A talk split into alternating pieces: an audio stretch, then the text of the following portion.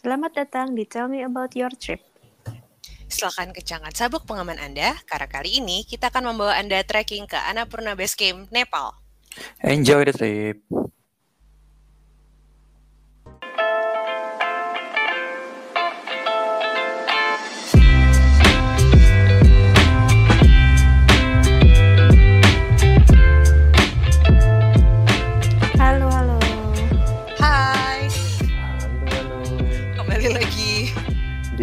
Acara Episodenya masih di Nepal ya. betul Hmm. sekali. Episode kemarin kan kita baru dari Kathmandu sama apa namanya? Kok saya lupa? Pokhara. Pokhara. Pokhara. Ya, jadi didengerin dulu episode yang itu karena biasanya dua kota itu adalah kota apa singgahan sebelum ke Singgahan sebelum lakukan trekking sih biasanya. trekking ke mau naik Everest. Oh enggak ya? Ya, mau di Himalaya biasanya di sana Himalaya. orang-orang ke apa? Hmm. Stay-nya sebelum Stay-nya. naik. Sip. Nah, gimana? Jadi kita mulai tips dan trik mau trekking di sana gimana tuh? Siap-siap. Jadi gua mau cerita tentang trekking di Annapurna Base Camp. Mhm. Sekedar mukadimah nih ya. Oh iya, boleh. Jadi Himalaya itu kan sebenarnya kan eh, rumah bagi puncak-puncak tertinggi dunia tuh. Mm-mm. Kalau nggak salah sih ada 9 dari 10 puncak tertinggi dunia itu ada di Himalaya, yang tertinggi itu Everest. Hmm. Nah, di sana tuh ada Gunung Everest, ada Macha Puchare, ada Annapurna. Terus dia juga terbentang dari Pakistan, India, dan lain-lainnya lah. Hmm. Nah, kan awalnya kan kayak, wah Himalaya nih kayaknya serem nih kan.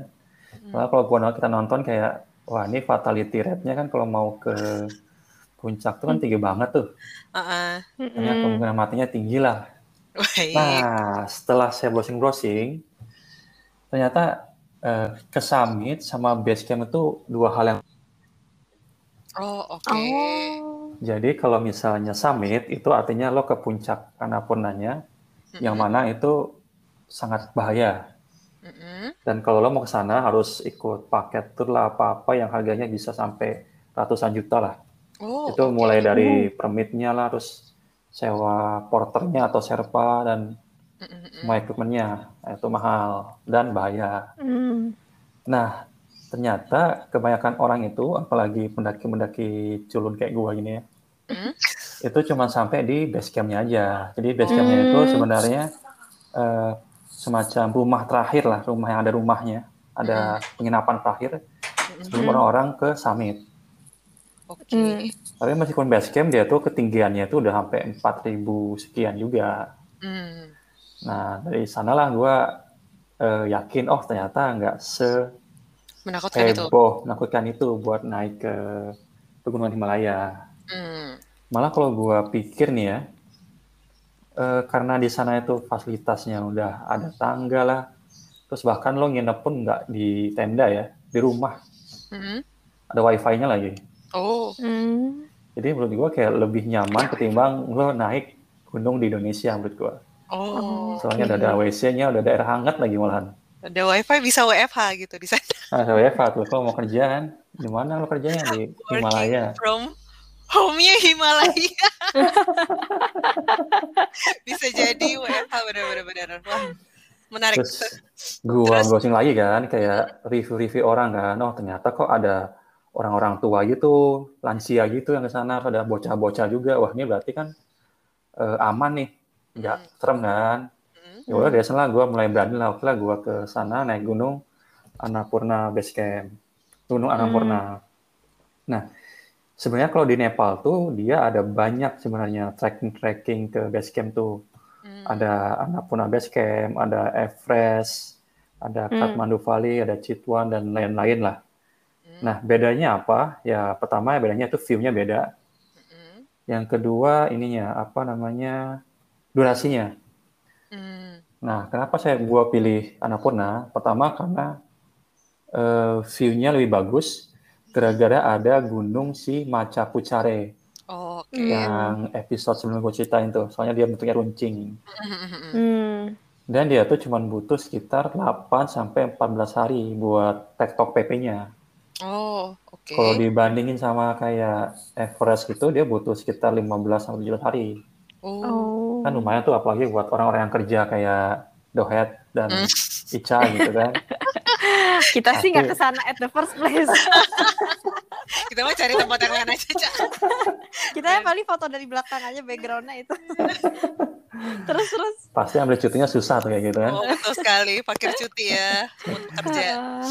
Nah, jadi setelah segala pertimbangan itu, akhirnya gue milih si Annapurna Basecamp ini buat trekkingnya. Hmm. Bahkan di Annapurna sendiri tuh sebenarnya ada dua jalur juga dia. Ada yang Annapurna Circuit Mm-mm. Sama yang langsung ke basecampnya aja. Kalau Annapurna Circuit itu dia kayak circle itu dia kayak muterin si gunung Annapurnanya, jadi lebih jauh dia. Ya sekitar tiga minggu juga. Hmm. Cuman Hmm. gue akhirnya milih ke langsung ke Annapurna Basecamp, tapi via Pun Hill. Mm. Nah, kenapa gua milih via Pun Hill? Jadi kayak dia itu kayak dua jalan yang beda. Nanti eh, dari Pun Hill lo ke kanan langsung nyambung ke arah ke base camp Napurnanya. Nah, gua pilih via Pun Hill karena di Pun Hill itu lo bisa melihat rangkaian pegunungan Himalaya di sana. Oh. Jadi dia kayak semacam bukit gitu aja. Mm-mm. Nah, di sana tuh ada jadi, jadi kayak viewpoint lah buat lo melihat gundukan-gundukan gunung es gitu, yang panjang gitu. Mm, mm, mm. Nah, jadi gua pilih via Pun Hill, kemudian langsung ke Annapurna Base Camp. Kalau yang gua jalannya sih durasinya itu sekitar tujuh setengah hari total ya, total tektoknya. Baik. Tapi tenang aja, ini kayak lo trekking dua jam, tiga jam, empat jam, terus tidur di, di penginapan gitu. Jadi Oh. lo nggak perlu bawa makanan apa-apa, nggak perlu bawa kompor, nggak perlu bawa apa, cuma bawa tas backpack biasa juga cukup. Mm, mm, mm. Hmm. Begitu. Terus untuk kapan ke sananya sih ya seperti yang udah gue jelasin yang episode sebelumnya, Mm, ada empat pilihan nih. Ada ya musim gugur, di mana itu yang paling terbaik, mm, mm, eh, nggak terlalu dingin, cerah, tapi ramai. mm. Hmm. Kemudian yang kedua adalah musim semi, itu Maret ke Mei, di mana dia eh, curah hujan kecil, eh, agak cerah, bunga mekar, tapi nggak terlalu ramai lah dibandingin sama yang musim gugur. Mm, Hmm. Kemudian summer, ya summer juga paling dia panas, mm, mm, agak hujan, di, agak ada hujannya, Hmm. tapi eh, saljunya agak-agak ada yang meleleh. Oke. Jadi lo mungkin saljunya nggak akan setebal saat spring dan fall. Mm, mm, mm. Kalau winter, nah winter ya intinya dia paling dingin, dia juga cerah, ma- ma- makan lebih cerah dari yang yang lain. Kalau waktu winter tuh, cuman yang itu dingin banget sama saljunya tebal banget. Yang mungkin nanti harus pas di jalannya itu, pas di treknya itu ketutupan sama salju. Oke. Begitu. Nah, terus eh, itinerary gue yang naik ini tuh pertama, hari pertama itu gue bakal ke Nayapul. Mm, Ini Nayapul itu kayak pintu masuknya. Hmm. eh, ke Uleri itu selama 6-7 jam, kemudian Uleri Upper Gorepane itu sekitar 7-8 jam, hari ketiganya ke Punhil itu bisa total sampai Punhil sampai ke Cuile itu sekitar 7-8 jam, hari keempatnya ke Cuile Bambu itu 8-9 jam, kelima Hmm. Bambu ke Macapucari Base Camp itu 8-9 jam, hari keenam itu Terus? Macapucari Camp ke Annapurna Base Camp itu sekitar 2 jam, Oke. Itu berarti jalan terus Jalan ya? terus ya? Jalan terus. Hiking terus. Oh wow, oke baik. Sembilan jam Kalau- dikali. Oke. Ya kayak inilah kan Dohet sering muter kan, kayak dari jam 7 sampai jam 1 kan Ya tapi jam not like every day. Gak dijadinya satu hari, mohon maaf ya. Oh, itu kalau ngumpulin Seminggu. kilometer udah banyak. Sebenarnya ini tergantung kalian, kalian mau lebih panjang atau lebih pendek, karena gua mau dipresin, makanya gua jalannya Hmm, 7 sampai 8 juga jam. Oh. Sebenarnya sih setiap. 2 jam itu pasti ada tempat makan, Mm-mm. kemudian setiap Hmm. 3 sampai 4 jam itu ada penginapan, ada desa gitu. Oke. Hmm. Jadi tergantung lo, lo mau berapa lama, Gila. apakah Hmm. mau 8 hari atau sampai 2 minggu gitu. Hmm. Nah, hari ketujuhnya itu juga kan turun tuh. Mm-mm. Dari Bambu ke Landok itu 8-9 jam. Terus Landok ke Pohara itu 3 jam. Jadi sebenarnya eh, jalan naiknya itu sekitar 5 hari. Mm-mm. Turun. Turunnya itu sekitar 2 hari. Oh, oke. Oh, oke. Hmm, jadi Gelinding. turunnya lebih cepat. Soalnya kan turun dan emang nggak emang nggak berhenti-berhenti gitu. Iya, iya, iya, iya. begitu. Terus kalau makanan dan akomodasi Mm-mm. itu gampang banget di sana. Oke. Bahkan penginapan punya pun juga sangat-sangat murah. Coba tebak berapa coba semalam di penginapan di desa-desa di setiap inilah setiap desa yang Tadi ada. kan lima puluh ribu buat tiga orang ya, Hmm. yang di episode sebelumnya. Hmm. Mm-mm. Hmm, berapa Kalau nih? sekarang Sekarang itu 10.000. harganya cuman sedolar sampai dua dolar doang. Sepuluh lima belas ribuan 15.000 Satu sampai 30.000. semalam. kok bisa dapat semurah itu aja? sih? Padahal kan ini kan daerah turis banget ya. Daerah turis dan benar-benar remote area gitu loh. Heeh. Kayak nggak mungkin kan kayak lo di di di antara pegunungan Iya. tiba-tiba ada penginapan apa? gitu loh. Dapatnya ya kasur sama Iya selimut. sih. Ya, Nah, kalau misalnya lo mau wifi, mau ngecas, mau air hangat, itu nambah lagi. Oh. Cuma yang nambah lagi ya tergantung lo lah mau nambah yang mana aja. Hmm, tapi yang masih murah, tetap murah sih, murah Iya, iya. banget. Murah banget. Maksudnya kan kalau kalau gue kira tuh bakal jadi wisata-wisata mahal gitu. Enggak, Oh, itu murah. Gue juga kaget kan kayak datang berapa nginepnya? Sedolar. Oh ya udahlah. Gak usah mikir lagi ya. oh itu berarti Paling, lo ya. nyari tempat penginapannya on the spot ya, pas On the spot. Oke. Nah, makanya gue kan perginya tuh pas spring tuh, makanya masih Hmm. bisa on the spot. Nah, Oh. kalau misalnya lo pas Uh, uh, fall, tadi. Mm-mm. ah, itu mungkin bakal rame. Hmm, Oke, oke. Hmm. Jadi bakal mungkin sempat sulit. Oke. Gue sempat ada satu tempat yang uh, ada susah dapat penginapan, cuma nanti gue ceritain detailnya nanti. Boleh, boleh. Terus paling kalau yang makanan agak mahal di sana, tapi ya sekitar harga 20 sampai 50 ribu. Oke. Nah, 20 ribu itu lo bisa dapat nasi goreng, Mm-mm. 50 ribu itu lo dapat ini, dapat pizza. Oh, oke. Saya ada pizza di sana. Ya gue baca blog lo kayak makan-makan pizza, agak bingung, jujur. Jadi gue nggak nyangka. Pokoknya dari desa terakhir sampai desa atas tuh ya menunya kayak gitu. Apa paling mahal tuh pizza biasanya. Hmm. Galabat juga ada di sana. Begitu. Nah kalau butuh porter atau guide sebenarnya tergantung masing-masing. Mm-mm. Kemarin sih gua eh, langsung on the spot aja, langsung pergi. Hmm. Nah, eh, sebenarnya porter itu dia yang bawain barang lo. Mm-mm. Kalau guide dia yang bakal urus nanti lo nginep di mana dan bla bla bla gitu. Ah, Jadi dua fungsi itu beda gitu. oke. Jadi guide itu nggak bakal bawain, nggak bakal bawain barang lo, Mm-mm-mm-mm. tapi dia Hmm. bakal nemenin lo gitu. Cuman kalau Oke. porter dia bisa langsung aja ke tempat penginapan. Mm-mm. Oh. Nah itu bedanya. Kalau dapat porter sama guide sih di kota banyak yang nawarin di Hmm. Kathmandu lah atau di Pokhara. Tapi itu porternya terpercaya tuh dia melonong aja bawa barang kita sampai ke hotel. Iya aja. barang kita naiknya? Eh, kalau porter dia langsung lonong duluan. Oh. Hmm. Karena dia bawa, bawa barang banyak kan. Kalau pelan-pelan malah capek dia. Hmm. Oh. Lo bertiga waktu itu eh, pakai porter ada? Enggak. Soalnya bawaannya dikit ya. Soalnya cuma bawa tas biasa gitu loh. Kan nggak nyangka gitu. Pikirnya bakal bawa tas kayak gunung gitu kan. Hmm. Ternyata cuma bawa baju doang. Oke, oke. Hmm. Nah, terus eh, sebelum naik itu ada dokumen-dokumen yang harus lo siapin. Mm-mm. Eh, yaitu ya visa kan sebelum masuk ke Nepal. Kemudian ada namanya TIMS dan ACAP. Oke. Nah, apa jadi? TIMS itu singkatan dari Tracker Management Information System. Dia itu kayak permit buat daki. Mm-mm. Hmm. Jadi dia tuh kayak udah include sama asuransi bla bla bla. Jadi kalau misalnya lo jadi apa-apa, bakal cover gitu. Hmm. Nah, itu namanya TIMS. Jadi TIMS itu eh, izin buat daki. Kemudian eh, ada juga namanya ACAP. Bukan ACAP temen gue ya. Acap yang kemarin Ashraf. Apa tuh Jadi? ACAP itu kayak tiket masuk buat ke Annapurna. Dia Hmm. singkatan dari Annapurna Professional and Project. Jadi kalau misalnya ke Everest, dia ada lagi namanya, nama buat tiket masuknya itu. Ah, oke. Paham, paham. Begitu. Nah, kalau si Teams ini sebenarnya lo bisa bikin di kota dia ada kayak eh, lo bisa bikin di langsung di tourism board-nya kantornya Mhm. atau di kantornya si eh, Annapurna Oke. atau lo juga bisa minta bantuan ke agent-agent yang ada di Kathmandu atau di Pokhara. Mm-mm. Cuman yang paling mungkin lebih mahal aja kalau di via agent. Kalau langsung gampang kok tinggal datang ngasih eh, pas foto, Paspor.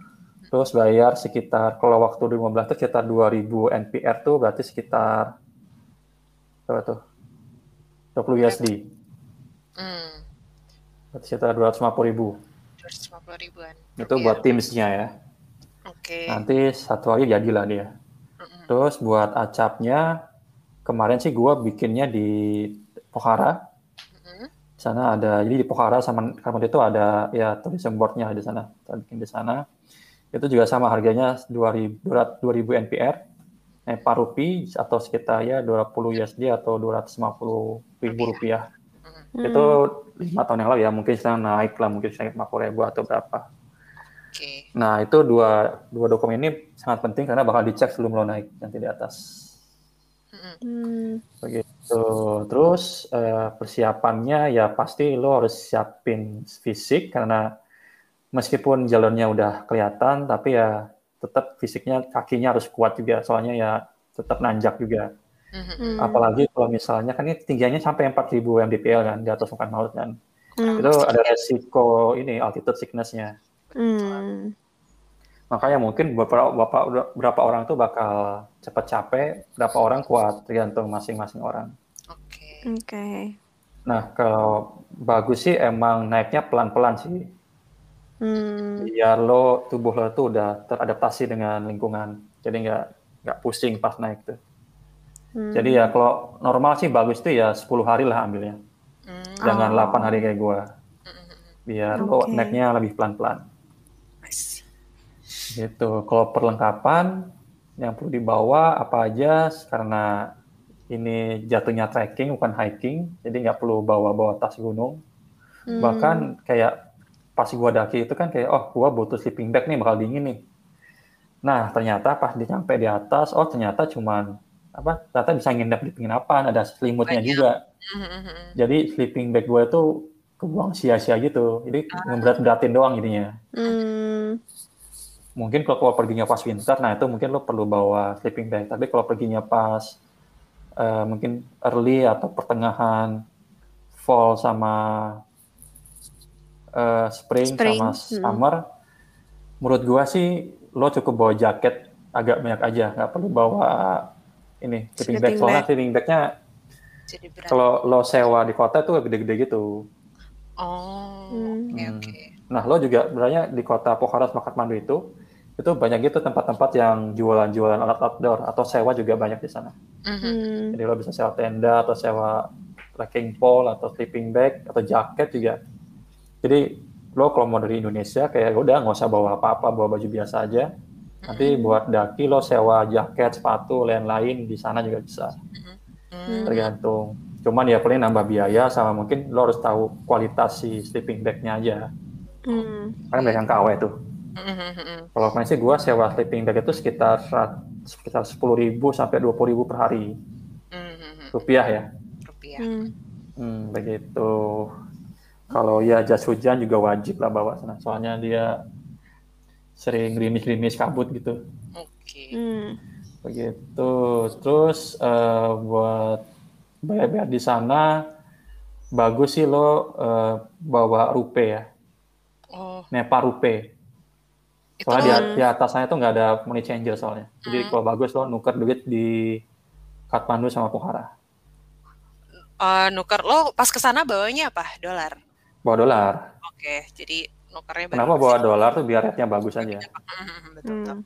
Kalau bawa rupiah mungkin Ya, hmm, dari, dari mana? Gue gue malah mikirnya siapa tahu lo waktu itu berangkatnya dari mana? Dari Jakarta ya? Eh, dari itu, dari Malaysia, dari, dari Singapura. Terus eh, apa? Udah ada yang si rupiah di sana kayaknya dikit ya Nepal rupiah. Saya Eh, setahu gua tuh Nepal rupiah itu nggak dijual di luar negaranya. Oh, oke. Cuman ada di Nepalnya doang. Oke, Jadi emang nuker. Jadi emang harus bawa USD. Ah, Oke, paham. USD atau SGD atau Yen itu lebih atau Euro lebih bagus ini rate-nya. Hmm. Atau Ringgit juga cukup ada di sana. Begitu. Itu ya introduction-nya lah sebelum gua pergi. Nah, kalau buat ke si Annapurna Base Camp, Mhm. itu ya biasa biasanya orang-orang via Pokhara. Jadi emang harus ke Pokhara dulu. Mhm. Baru dari Pokhara nanti lo bakal ini bakal sewa taksi Hmm. menuju ke pintu eh, masuknya si trekking ini, yaitu namanya namanya Nayapul. Oh Nayapur. Hmm. Mm-mm, betul. Itu ya sekitar 30 ya 3 tiga, sekitar 15-an kilo lah dari kota. Mhm. Begitu. Nah, kalau si eh, Annapurna ini sih juga dia tuh banyak puncak-puncaknya gitu, ada 1 sampai 4 ya sebenarnya. Nah, nanti lo pas di atas tuh bakal ngeliat semuanya, plus gunung si Macapucari itu. Mhm. Kalau base camp-nya sendiri dia ketinggiannya sekitar 4.200 di atas permukaan laut. Oke. Nah, untuk perjalanan pertama itu target gua eh, menuju ke Pun Hill, bukit tempat Hmm. ngelihat si eh, view pegunungannya. Hmm. Nah, jadi dari Pokhara gua naik taksi ke Nayapul. Taksinya itu berapa? Kayaknya, kayaknya sekitar 1.600 1.600 rupiah. Itu berarti sekitar 60 ribu. Hmm. Karena bertiga ya bagi tiga lah. Soalnya emang jalannya agak jelek juga dan agak nanjak-nanjak juga. Mhm. Dan oh salah ternyata eh, perjalanannya menuju Nayapul itu sekitar satu setengah jam. Bukan. Jadi ya worth it lah 60 ribu buat si taksinya. Mhm. Nah, oke dari Nayapul itu sampai di sana itu gua kayak pas pagi-pagi sekitar jam 7. Nah, itu, itu gua, gua mulai trekking nih dari Nayapul ke Uleri itu hari pertama. Hmm. Nah, sebenarnya tuh ada jeep sih di sana. Kalau lo mau singkat, Mhm. itu lo bisa naik jeep sampai ke eh, Tikedunga. Jadi ada di kayak Nayapul nama desa, nanti ada namanya Tikedunga. Mhm. Hmm. ntar baru ke Uleri. Nah, dari Nayapul ke Tikedunga itu sekitar tiga jam. Oh. Jadi kalau misalnya lo mau lebih cepat, lo bisa naik jeep di sana. Mhm. Jadi kayak berangkat sama orang lain gitu. Tapi harus ini, harus eh, pesan dulu biar nggak ketinggalan. Hmm. Hmm. Ada jam-jamnya itu juga. Ada jam-jam saya pagi sih. Oke. Kalau treknya sih jalan batu semua. Mhm. Jalan pasir berbatu dan dia kayak kanan apa kirinya kiri tebing, Mhm. eh kirinya jurang, sampingnya kayak bukit gitu. Oke. Kalau jalan kaki ya dia butuh tiga jam. Nanti pas di Nayapul lo bakal dicek juga tuh si tim dan acapnya. Jadi jangan lupa harus siapin itu semua. Hmm. Terus pas gua jalan dari Nayapul ke Tikedunga itu gua nemu ular piton. Baik. Di mananya? Ada gitu kayak di sekitar ya ada kebun warga gitu. Hmm. Tiba-tiba ada piton gitu menggeliat gitu gede. Loh, ya. Ngalangin jalan tapi atau Oh cuma enggak enggak dia di kayak jauh agak jauh gitu cuma kelihatan gitu. Mhm. Gitu. Nah dari Nayapul ke Tikedunga tiga jam. Nanti Tikedunga itu juga ada tempat minum-minum makan atau apa. Terus dari Tikedunga ke Uleri itu sekitar 4 jam. Nanti lo bakal ngelewatin jembatan gantung gitu. Oh iya nih. Yang fotogenik lah. Yes, yes, yes. Hmm. Nah nanti ya kalau di jalurnya sih nanti bakal ada lalu lalang kedelai, eh, keledai lah. Bawa-bawa barang. Jadi emang eh, logistik mereka mereka pakai keledai buat bawa dari bawah ke atasnya. Hmm. Hmm. Dan keledai itu kadang nggak ada orangnya gitu loh. Kayak udah Nggak jalan kaki sendiri aja udah. Gak ditunggangin maksudnya orangnya ada Enggak. di belakang gitu. Nah, Apa orangnya sama kadang kadang nggak ada orangnya gitu loh. Kayak ya udah. mandiri banget. Eh, Eh itu keledai yang bawa barang atau keledai lepasan? keledai bawa barang. Wow. Ditinggal aja langsung nyampe ujung ya. Baik. Nah sampai ke Uleri itu ada desa. Nah gua eh, nginep di sana. Nah uniknya waktu gua nyampe ke desa Uleri kan, Mm-mm. terus tiba-tiba ibu ibu-ibu manggil gitu, Mas Mas di sini aja tinggalnya. Tuh. Berapaan bu? Gratis dia bilang. Oh ya udah. Tapi makannya di sini ya. Oh iya iya siap siap. Gitu. Oh makannya bayar gitu maksudnya cuman Makan makannya makan di sini ya, sesuai. jangan di luar gitu. Ah, Beli oke, makan oke. pagi siangnya di sini gitu. Mhm. Wow. Lo nggak mencurigakan kayak eh, kenapa gratis? Ya karena mungkin pas bukan pas bulan eh, peaknya itu. Jadi emang gampang nyari penginapan. Oke. Jadi harganya bersaing. Mm, mm, mm. Begitu itu hari pertama tuh. Jadi hari pertama gua jalan sekitar 7 jam. Luar biasa. Eh, view-nya ya masih cuman hutan bukit-bukit biasa lah, nggak terlalu ada yang spesial. Nah hari kedua itu eh, gua jalan dari Uleri Hmm? menuju tempat namanya eh, Upper Gorepani. Mm, mm. Hmm. Nah Upper Gorepani itu kayak desa yang paling dekat sama Sipun Hill. Oke. Hmm. Nah eh, total perjalanan sekitar 7 jam. Mm, Jadi dari Ule, desa Uleri menuju ke Batanti itu sekitar tiga jam. Jadi gua mulai sekitar 9 pagi. mm. Terus kalau jalurnya sih mix antara tangga batu, ada hutan-hutan juga. Jadi kita ngelewatin hutan-hutan, tapi tetap jalannya jelas banget. Mm. Eh, bebatuan, kadang tanah juga, dan sempat juga karena gua ada perginya waktu spring, itu ada kayak eh, pohon bunga namanya rhododendron. Mm. Jadi dia kayak ada kayak sakura gitulah, cuma lebih gede aja ininya bunganya. Dan nggak seluruh nggak seluruh pohon, cuma beberapa doang dia tumbuh. Oke. Nah dari sana gua jalan lagi 4 jam Mm-mm. menuju Gorepani. Mm, Oke. Nah di Gorepani juga desanya gede juga, jadi pilihan pilihan apa namanya pilihan penginapannya banyak. mm. Terus di sana juga sempat ditawarin dia kayak semacam eh, rokok gitu, Hah? dan ternyata rokoknya itu ada ganjanya. Baik. Jadi ganja di sana tuh kayak ya udah kayak tanaman liar gitu. iya. Terus lebih buat ini kali biar apa namanya? Biar nggak kerasa pusing enggak? iya buat ngangetin lah biasanya. Nah, terus terus. nah ya udah gue sampai di Gorepani tuh. Heeh. Gorepani itu eh, apa namanya agak luas tuh. Jadi ada yang Gorepani yang di bawah, ada yang di atas. Nah bagus lo ambil yang di atas. Biar nanti besok pagi buat sunrise di Pun Hill-nya nggak terlalu jauh. Mm. Hmm. Si Gorepani ini ketinggiannya tuh di udah di 2750 Mm. begitu. Nah, gua nginep lah di Gorepani. Ya itu juga pemandangannya ya udah perbukitan dan hutan, belum kelihatan gunung-gunung esnya. Mm. Hmm. Nah, besok paginya gua bangun pagi tuh buat eh, summit ke Pun Hill. Nah, dari Gorepani ke Pun Hill itu sekitar 45 menit. Dan sepanjang jalan itu ah, banyak pohon-pohon si rhododendron lagi itu, jadi kayak banyak bunga-bunga gitu di sana. Cuman eh, sayangnya pas gua sampai atas, ternyata berkabut. Oh. Jadi view pegunungannya itu nggak kelihatan. Padahal kalau misalnya lagi cerah, wah itu bagus banget tuh. Coba deh lo lihat cek di Google eh, browsing deh Pun Hill. Sudah sudah. Nanti lo bakal lihat rangkaian pegunungannya tuh kelihatan semua gitu. Heeh, keren sih. Terus sama sunsetnya gitu ya. Apa dia kayak Hmm. turun apa turun pelan-pelan gitu ntar menyinari si pegunungannya gitu ya. Hmm, betul, betul. Oke, oke. Di atas tuh juga ada tower gitu buat lo bisa lihat lebih tinggi lah. Hmm.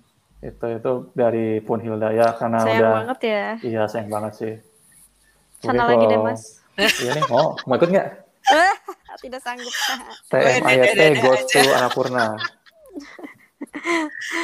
Gue doain aja dari sini. Terus terus Gampang loh, kan lo udah sering Enggak, kan gak nanjak. Gak nanjak. bisa lah. Itu yang penting jalannya datar. Jalan nanjak udah gue oh, salam. Ya udah karena kita sedih kan nggak dapet sunrise tuh ya udah turun ke kenapan lagi. Terus ya udah lanjut lagi kita terabas menuju ke namanya Cuile. Cuile dari Gorepane ke Cuile itu sekitar Oke. 7 jam. Nah, Hmm. karena waktu itu Mas, dalam kondisi agak-agak mendung dan hujan, Mm-mm. nah itu baru tuh kerasa tuh dinginnya tuh. Hmm. Hmm. Dingin banget parah tuh.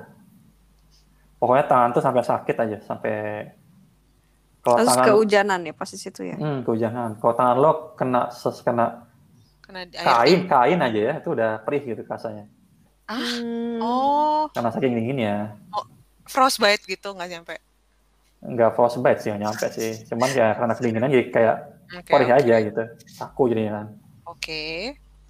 Apalagi kan gua tuh pas eh, ke sini tuh kan gua sewa jaket tuh. Mm-mm. Pas belum naik tuh ternyata jak- jaketnya pun juga tembus juga sama air. Hmm, Jadi agak-agak basah dikit dalamnya, cuman ya agak nggak terlalu basah lah, cuman ya lumayan lah basahnya. Gitu. Jadi ya emang paling penting sih jaket, celana, sepatu, Mm-mm. pokoknya apa pun yang bikin lo hangat lah itu harus dibawa semua, harus harus capable lah Mm-mm. dan reliable lah. Oke. Gitu. Jadi ya udah, akhirnya kita untungnya hujannya nggak sampai sepanjang jalan. Hmm. Nah, eh, dari situ pokoknya gua sampai ke eh, Cuile. Nah, Hmm. di sana itu apa namanya? Ternyata penginapannya penuh gitu. Oh, oh, yang tadi lo bilang penginapan bisa penuh. Hmm, Ada di tempat yang penginapannya penuh. Jadi gua eh, agak maju dikit, akhirnya nemu kayak kayak rumah warga gitu yang emang nggak ada orang gitu, kan nggak Hmm. ada yang nginep di sana gitu. Hah? Jadi Jadi- kayak jadi kan kayak Kosong. saat nyampe desa pertama nih, Samrong. Wah Hmm. penuh nih, banyak rame, penuh semua. Terus gua maju sekitar satu jam. Nah ketemu tuh ada rumah warga gitu. Nah dia punya penginapan juga, cuman eh, sepi. Ya udah kita no, Oh, apa nginep di sana.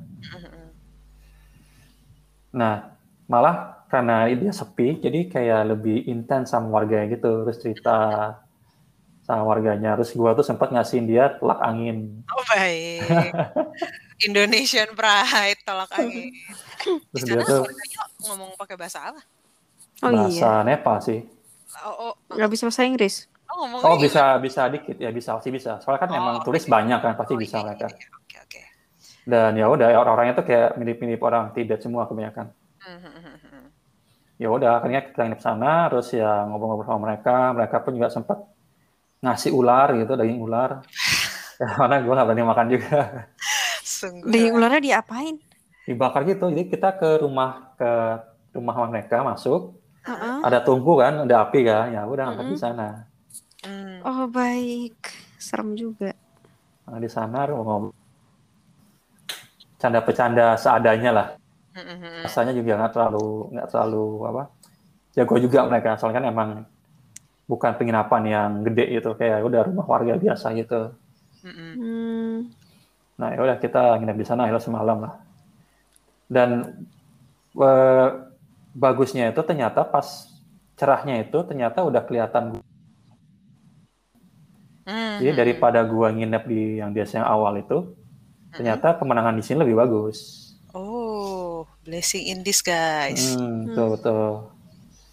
Nah, desanya itu namanya Tadapani. Tadapan. Tadapani. Kan ini gua lihatnya tuh mau ke Cuile kan. Ternyata Mm-mm. Cuile itu penuh, Penuh. penuh sih ininya. Terus gua maju lagi sekitar sejam. Mhm. Itu nama desanya Tadapani. ada pani. Oke. Mm-mm. Nah, dari sana ya udah akhirnya eh, besoknya lagi gua lanjut. Berarti hari keberapa tuh? Hari ke satu dua tiga empat ya? Enggak. Keempat ya. Hmm. Eh, hari ke iya keempat. Hmm. Nah, keempat itu perjalanan dari si Chile ke Bambu, Trapani ke Bambu, itu sekitar 8 jam.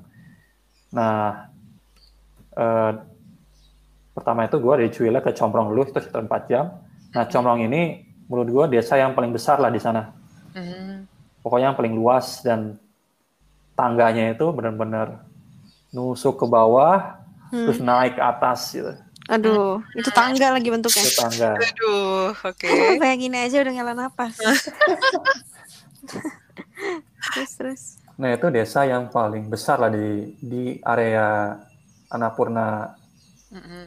area itu. Itu yang paling besar banget. Jadi bakal ada yang jualan roti, penginapan yang banyak, dan pokoknya paling mantap lah di sana. Dan dari sana pun juga udah kelihatan si pegunungan si Macapucarenya. Hmm. Hmm. Gitu ya. Gua berhenti di sana, kemudian lanjut lagi menuju ke Bambo. Mhm. Itu dari Bambu, Comrong ke Bambo itu sekitar 4 jam. Oke. Eh, untuk trekkingnya sama juga tetap jalurnya ada yang tanah, ada yang batu, tapi nyaman lah. Hmm. Nanjaknya itu cuman pas di comprong tadi aja. Oh, Sisanya nanjaknya aman, nggak capek. Oke. Jadi selama perjalanan gua itu nanjaknya itu nggak heboh-heboh banget. Hmm. Jadi Hmm. mungkin buat kalian masih bisa lah. Karena tepi dan tanjakannya udah lewat ya. Nah, Tanjakan tanjakan itu cuma di comprong itu doang yang benar-benar wah kalau kalau ngelihat langsung jiper lah kalau itu. Hmm. Ya udah akhirnya kita ke bambu itu 4 jam. Di bambu kita nginep. Mm-mm. Eh, terus besoknya gua pergi lagi dari bambu menuju ke Macha Pucare Base Camp. Hmm. Itu sekitar 8 jam juga. Hmm. Nah, nanti ya selama perjalanan ya lo bakal eh, nemu tempat makan, penginapan lagi. Hmm. Jadi ya kalau lo cuma kuat 4 jam ya udah nginep di penginapan ada namanya Himalaya Hotel. Itu juga ada penginapan di sana. Hmm. Hmm. Mungkin kayak jalan 4 jam nanti lo bakal ketemu namanya Himalaya Hotel. Nah, ini kalau dari si Bambo ke Putri Base Camp, Hmm. nah ini mulai kelihatan nih jalur-jalur yang view-nya tuh wow gitu. Pokoknya lo Oh. udah dikelilingi sama gunungan salju lah. Salju udah mulai ada di sana. Hmm. Hmm. Terus ada sungai. Nah, ntar sampai di Macha Pucare Base Camp, Hmm. nah itu benar-benar full salju gunungnya. Bagus banget sih Benar ini tebal. gambarnya.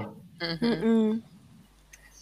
Wah, itu mantap lah. Di sana, di sana lo bisa ngelihat si gunung Macha Pucare-nya itu di sana, yang lancip tadi itu. Tapi Hmm. lo berapa lama di sini Mas Gun? Di mana? Di ininya, di yang salju-salju ininya. Itu selama perjalanan ya mungkin sekitar 4 jam tuh isinya salju. Oh, oke oke.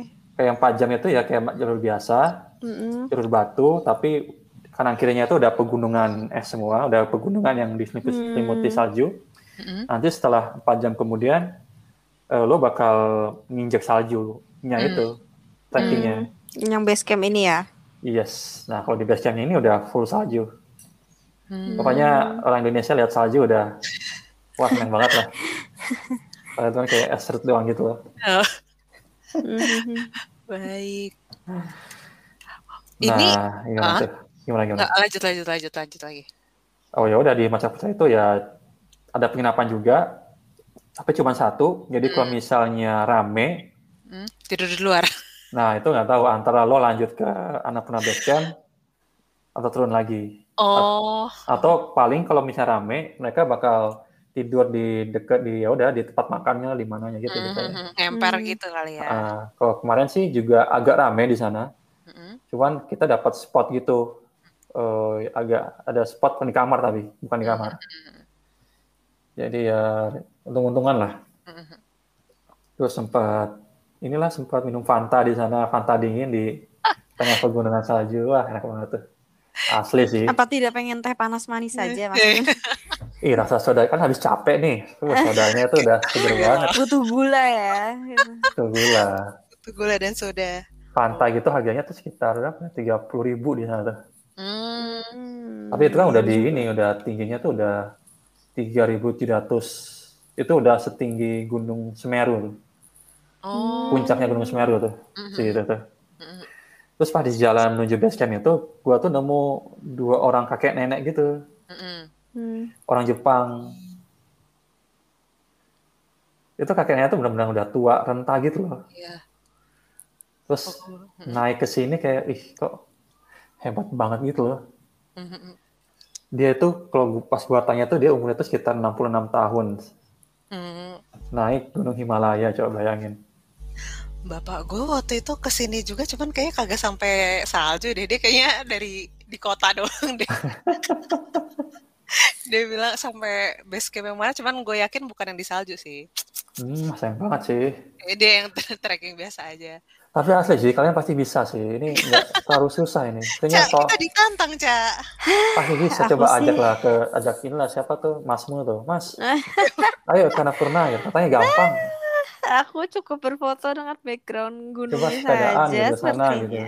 Oh tidak, terima kasih. gue pengennya langsung nih pintu ajaib tuh keluarnya langsung pemandangannya gitu nggak usah nanjak lima hari Hmm. oh Nah, setelah itu besoknya kan gue mau ngejar sunrise kan ke di Mm-mm. Annapurna Base Camp. Mm, Jadi gue nginep semalam di Maca Pucari Base Camp. mm, Terus pagi-paginya itu sekitar jam berapa? Kayak masih jam 5.30 itu masih gelap banget. mm. Itu gue mulai jalan tuh. Nah itu benar-benar saljunya tuh makin tebel. Pokoknya Oh. kaki lo itu bakalan lusep aja. Berarti lo pakai boots gitu ya? Enggak, sepatu gunung aja. Oh, terus gimana dong masuk Soalnya masuk ke dia- sepatu lo? Kan ada yang padatnya, ada yang nggak padat kan. Yang nggak padat itu Oh. bisa ngelusek loh. Cuman kalau misalnya jalur yang sering dilalui orang tuh udah padat biasanya. Hmm. Cuma kadang-kadang tetap blusak juga kaki lo. Hmm. Itu dari Muaca Pucari Base Camp menuju ke Annapurna Base Camp itu sekitar 2 jam. Hmm. 2 jam, terus... Tapi eh, pas gua trekking itu nggak kerasa dingin banget gitu. Hmm. Gara-gara waktu itu nggak ada anginnya. Oh. Hmm. Jadi gue, kayak gua cuma pakai baju jaket Uniqlo yang ultra light down itu. Hmm, hmm. Eh, itu udah cukup loh itu. Oh. Hmm. Jaket yang lain cuman kayak nggak nggak kepake juga akhirnya. Gara-gara lo jalan kan ingatan panas di badan lo kan. Hmm. Nah jadi ya udah kalau misalnya nggak terlalu dingin ya lo pakai jaket seadanya ya cuman backup di tas ada gitu. Nah sampai di atas wah itu dari base campnya itu gue bisa ngelihat semua pegunungan Annapurna Hmm. 1 sampai 6 Hmm. Hmm. sama nanti bagian selatannya itu gue bisa ngelihat si gunung Maca Pucare lebih jelas di sana Hmm. daripada di Maca Pucare base nya sendiri. Oh. Wah itu wah wow banget lah itu pengalamannya. Hmm, hmm. Gila sih, terus gue sempet di sana tuh ada ini juga, ada kayak gapura gitu juga, Oh. ha. kayak tulisannya ya selamat kamu sudah sampai di sini lah intinya namaste bla bla bla bla gitu. Hmm. Oke. Hmm. Terus banyak apa banyak bendera-bendera lain-lain gitu. Terus lo bisa foto-foto di situ. Terus gue karena ini udah sampai apa destinasi terakhir, Hmm. gue akhirnya beli pizza di sana, Baik. pizza Pizza mozzarella di 4.200 meter di atas muka alam. laut. Wah, wah mantap lah pokoknya itu. Seru ya bagus Pokoknya, ya. hah, bagus banget coy. Gimana Cak kita Gimana nih? Aduh.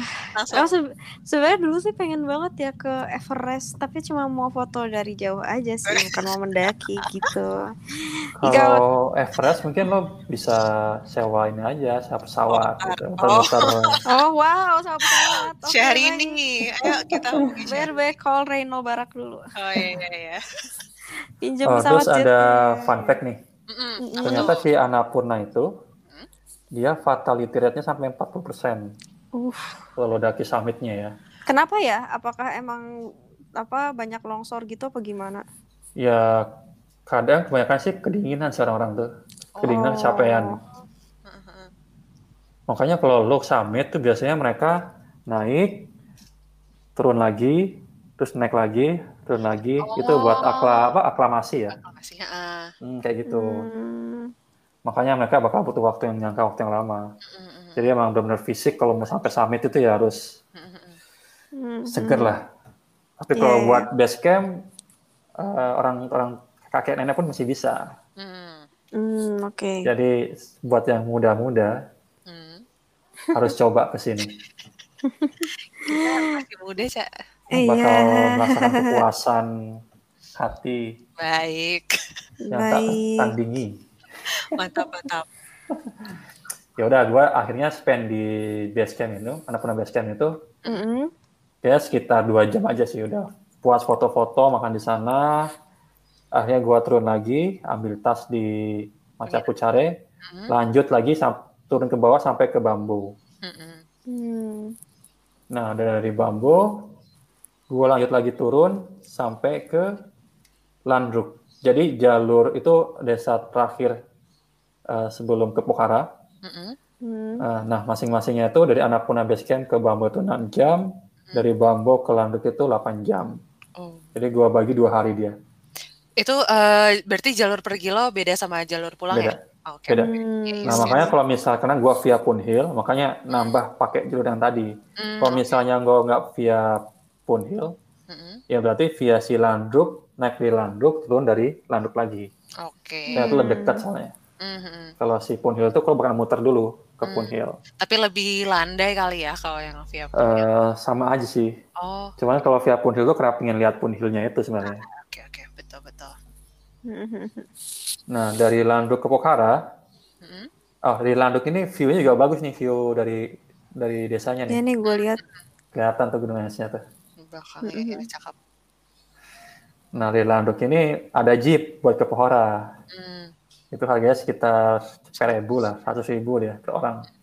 Tapi harus dipesan gitu ke, pokoknya nanti bilang aja ke si penjaga penginapannya, nanti dia akan telepon orang, bla bla bla bla, nanti oke besok lo ada spot nih, Mhm. besok lo pergi jam 8 jam 9 pagi. Soalnya terbatas gitu. Mhm. Kalau pas nggak lagi peak season tuh cuma ada satu kali sehari. Oh, Dan itu juga bagi-bagi sama orang lokal gitu. bisa Jadi isi emang rebutan. Kayaknya sekitar 8-9 orang deh. Oh, oke. Banyak juga. Dan empat petan gitu. Mhm. Hmm. Gitu. Jadi dari sana itu sekitar 3 jam sih di Pokhara. Hmm. Jalannya jelek sih, emang kayak batu-batu gitu. Cuma nggak tahu sekarang mungkin mungkin udah ini, udah diaspal kali. Mhm. Nah, itulah akhir dari trekking gua di Annapurna Base Camp yang pemandangan luar biasa. Luar biasa. Pokoknya 8 wajib lah 8 hari. Kalau normalnya sih bagusnya 10 hari sih. Mhm, Yang tadi. Mhm. Oke. Berarti Mas Gun tuh ke sini kayak ujuk-ujuk aja, nggak ada booking-booking apa pun dulu dari. Nggak ada. Nggak ada. Oh, Langsung datang oke. aja. Baiklah. Kirain pesan paket tripnya dulu gitu, nggak ya? Oh, Pokoknya enggak. kayak on the spot kalau aja. trip agak mahal sih. Hmm. Nggak, oh, oke. Tapi Bakal- ada ya trip yang sampai ada. Annapurna juga. Oh, Ada banyak. Di kota Hmm. tuh banyak. Bahkan di Indonesia juga udah ada banyak yang nawarin trip ke sini. Hmm. Cuman bagus ya kalau mau itu mending set apa eh, mesennya di pas Nepal aja lebih murah daripada di Indonesia. Hmm. Jadi nggak ada nggak ada fee buat si agent di Indonesia nya kan lebih murah. Oh iya iya iya. Dan di sana banyak di pinggir jalan tuh orang-orang pada nawarin jasa mereka nge-guide. Mhm. Mhm. Jadi lo tinggal ya tinggal cek pas aja, pilih-pilih mau yang mana, tanya harganya berapa, bla bla bla bla. Nanti Hmm. naik, nanti lo bakal jumpa dia di Pokhara biasanya gitu. Hmm. Atau juga bisa ambil guide di Pokhara juga bisa. Ya mana aja sih yang lebih nyaman. Benar-benar. Begitu. Ah. Kalau lo mau ke Everest itu juga Mm-mm. bisa. Biasanya kalau ke Everest itu orang-orang biasanya itu pas pergi itu naik pesawat sampai ke bandara ada bandara gitulah pokoknya di desa mana gitu. Mhm. Mm-mm. Nah baru naik ke Everest Base Camp udah itu. Oh, Everest itu nggak ya gue lihat sih jauh ya sama sisinya Annapurna ini. Jadi emang harus ada trip tersendiri ya ke daerah Everestnya. Iya paling kota ada mungkin ada kayak mungkin kotanya bukan Pokhara lah dia. Hmm. Oh, oke. Nah biasanya orang kalau biar hemat waktu mereka naik pesawat tuh ke Sananya. ada desa terti desa yang udah di atas gitu. Mm-mm. Itu ada bandara gitu di sana. Hmm. Naiknya chopper gitu nggak apa pesawat ini? Baling-baling, Baling-baling. Oke oke. Lo kalau Hmm. misalnya browsing ke Everest, terus ada bandara yang di, dikelilingi sama pegunungan, nah itulah Ber- nanti lo bakal gerak di sana. Ba- berarti kayaknya lebih mahal ya karena Hmm. harus naik pesawat gitu. Iya, paling pesawat tuh kalau satu setengah juta deh, ke dua juta. Hillary. Nanti kalau turun bisa nggak perlu pesawat, kan turun kan Oh. cepat kan, itu buat hemat waktu aja. Lo bisa jalan kaki dari bawah sampai ke atas, ah, sampai ke desa itu, atau langsung potong waktu sampai ke desa itu naik pesawat. Hmm. Gue lupa nama desanya apa, cuma ada desanya di situ. Hmm. Itu kan salah satu landasan yang Paling tinggi. berbahaya deh. Hmm, oke oke. Soalnya emang landasan dan itu jurang gitu, loh. Ah. Hmm. Landasannya pendek pula gitu. pendek dan itu langsung jurang.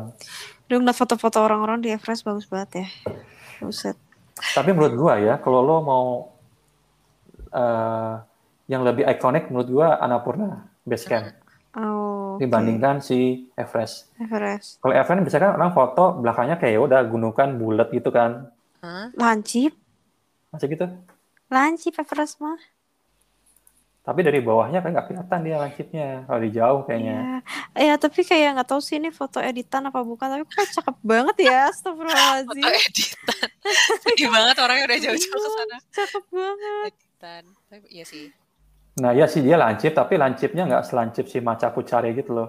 Hmm. Hmm. Yang benar-benar tiba-tiba langsung muncul set gitu. Ya lucu banget tuh ada yak. Ada yak juga nggak di Annapurna?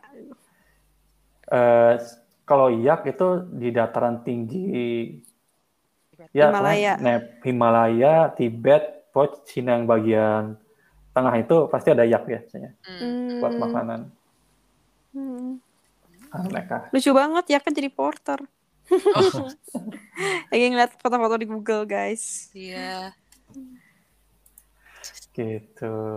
Sebenarnya gua tuh pingin ini sih, pingin nyobain si Annapurna sirkuitnya. Siap. Jadi dia bakal ngelilingin si Gunung Annapurna itu. Oh yang tadi lebih panjang itu ya. Hmm, nanti itu bakal ada desa tertinggi gitu di dunia gitu lah. Oh, anak pernah Oh. sirkuit. Oke. Habis berapa hari nih bisa kalau ngilangin ini? Kayaknya 20 hari deh kayaknya. Allah. Iya kayaknya mesti gap year dulu deh Mas Gun kayak Iya. kemarin ya. Gap month ya bukan gap year. Begitu. Gimana nih? Ada fun fact nggak nih? Aduh, coba cari ya. Adanya tadi ini sih Everest sih, tadi gue nemunya. Gimana tuh Everest tuh? Enggak, Everest itu kan sebenarnya namanya dari Westerners ya, dari Mhm. orang Inggris. Cuman kalau dari orang Tibet sendiri, dia tuh namanya Komo Langma, artinya the Mother's Universe. Terus habis itu ada ada juga bahasa Nepali Sagarmata, artinya the Heavens Forehead. Pokoknya namanya Hmm. bagus-bagus. Maksudnya eh, satu lagi kalau dari Sherpas itu eh, ethnic groupnya dari Nepal itu Chomo Lungma, artinya the Mother Goddess of Earth. Cakep ya namanya. Mm-mm. Itu aja sih. Terus apa Punya lagi? banyak nama ya. Hmm, punya banyak nama, cuman yang di akhirnya diterima apa ya, di terkenal sama dunia luar adalah si Everestnya sendiri.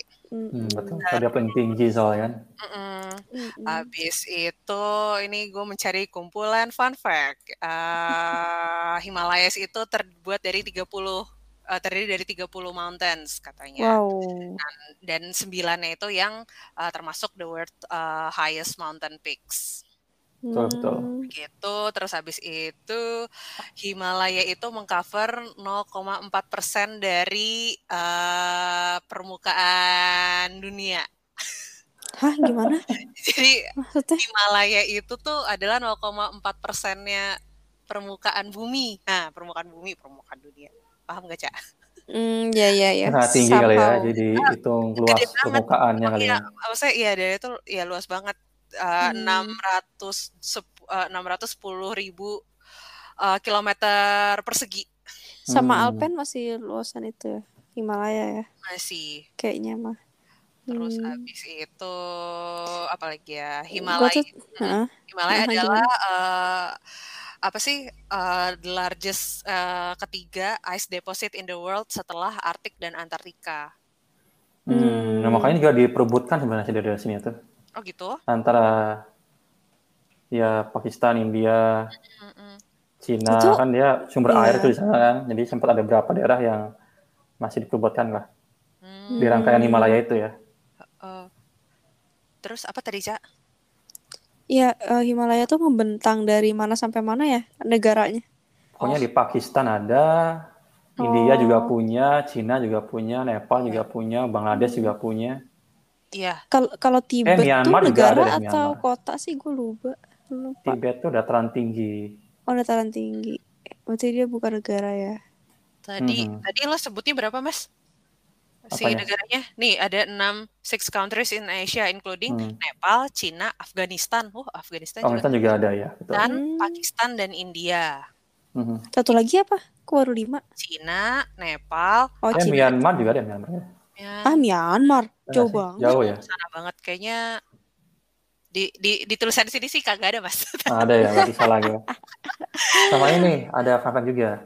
Mm-mm. Jadi kan si Himalaya ini kan terbentuk gara-gara ini kan apa eh, dataran India itu nabrak Asia kan. Mm-mm. Nah ini tuh sampai sekarang tuh masih terus bergerak gitu, terus nabrak Hmm. gitu.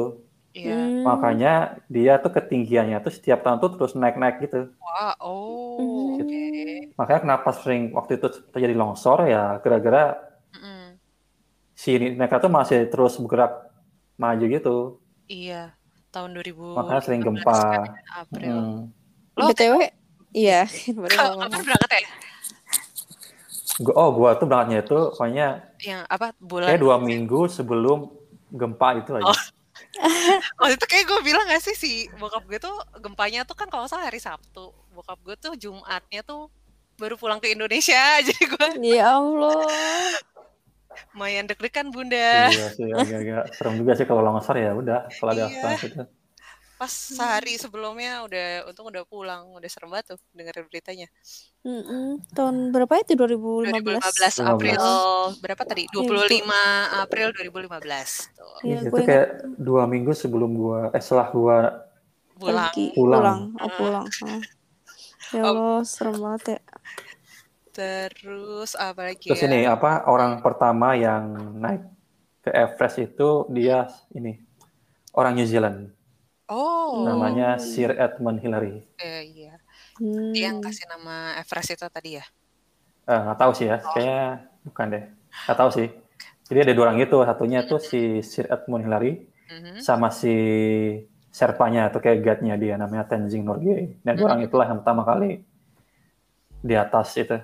Oke. Sampai akhirnya setelah itu mulailah bermunculan paket-paket sampai ke puncak Everest. Tapi resiko tanggung sendiri. Mhm. Terus apa lagi ya? Sebenarnya tadi itu yang earthquake itu juga katanya karena eh, dramatic weather changes itu tuh karena Mm-mm. di sana perubahan cuaca mulu jadi emang ngaruhin juga ke monsoon terus snowstorms, Mhm. eh, landslide waktu longsor-longsor di sana juga sering banyak terjadi kayak gitu di sana di Himalayanya. Nah itu kan dulu Pak, pas episode Cina, Heeh. Yang waktu gua pergi ke Dunhuang, Iya. Nah itu kan salah satunya kenapa dia di padang pasir gara-gara hujannya Hmm. ketahan di Himalaya. Oh, oke, guys, jangan lupa dengerin episode Cina. oh, iya benar juga, benar-benar kok. Kayak waktu itu lo pernah bilang. Ya, tapi secara geologis juga menarik sih sejarahnya. Aku selalu tertarik Mm-mm-mm. dengan pembentukan pergunungan ini. Dan jadi sebenarnya daerah daerah Nepal gitu tuh emang bukan bukan daerah yang livable ya. Kalau karena tadi kan Tapi ya cukup sebenarnya subur loh di sana. iya maksudnya karena dia tuh rawan bencananya Oh iya sih, benar. cukup Nah, karena dia tadi ada danau purba terus kayak um, ya subur kan karena bekas ini ya vulkaniknya cuma Hmm. kayak potensi bencananya tinggi banget ya sih Mhm. Mhm. Tapi ya nggak se- sesering gempa di Jepang lah kayaknya. Oh, Ya, ya, ya sih memang betul gitu. Tapi kalau tadi ngomongin si Everestnya naik terus kan horor juga bun. setiap hari naik. Oke, ada lagi. Apa lagi ya? Udah, gue segitu Udah aja. sih sepertinya. Paling gua resume aja kali ya.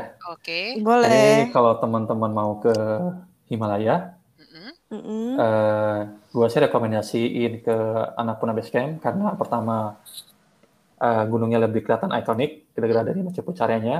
Mm-mm. Terus durasinya lebih cepat, Mm. itu bisa antara 8 hari sampai 14 hari, tergantung kemampuan.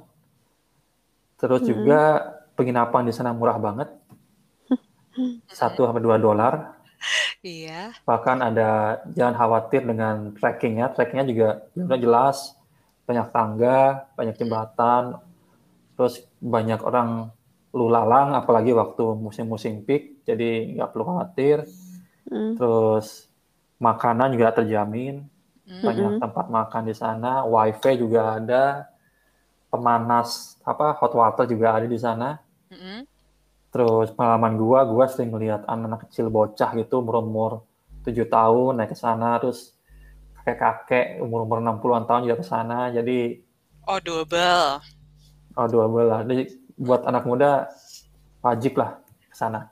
Himalaya itu bukan destinasi yang apa kayak Menakutkan. susah menakutkan susah gitu itu kayak udah destinasi yang mungkin kalau bagi orang berat, berat tuh udah agak-agak mainstream lah di sana tuh Oke. jadi semua infrastrukturnya udah di lebih tertata lah Mm-mm. bahkan menurut gua lebih nyaman naik ke Himalaya daripada gunung-gunung Indonesia soalnya kan Indonesia harus bawa tenda lah apa-apa gitu jadi kalau di Himalaya tuh jatuhnya dia trekking dia nggak nggak nggak nggak Mm-mm. hiking I see. Begitu jadi wajib ke Himalaya mau itu di Annapurna mau Everest atau apa pun Oke. Oke, jadi gimana Cak? Kita pesan tiket sekarang? Boleh, tapi hanya untuk berfoto dengan background gunung. Oke deh. Terima kasih. Oke, sama-sama. Dari ceritanya jangan lupa nanti cek Instagram. Iya, buat foto-fotonya ya. Yep. Oke, jumpa di ceritanya. Yo, makasih semuanya.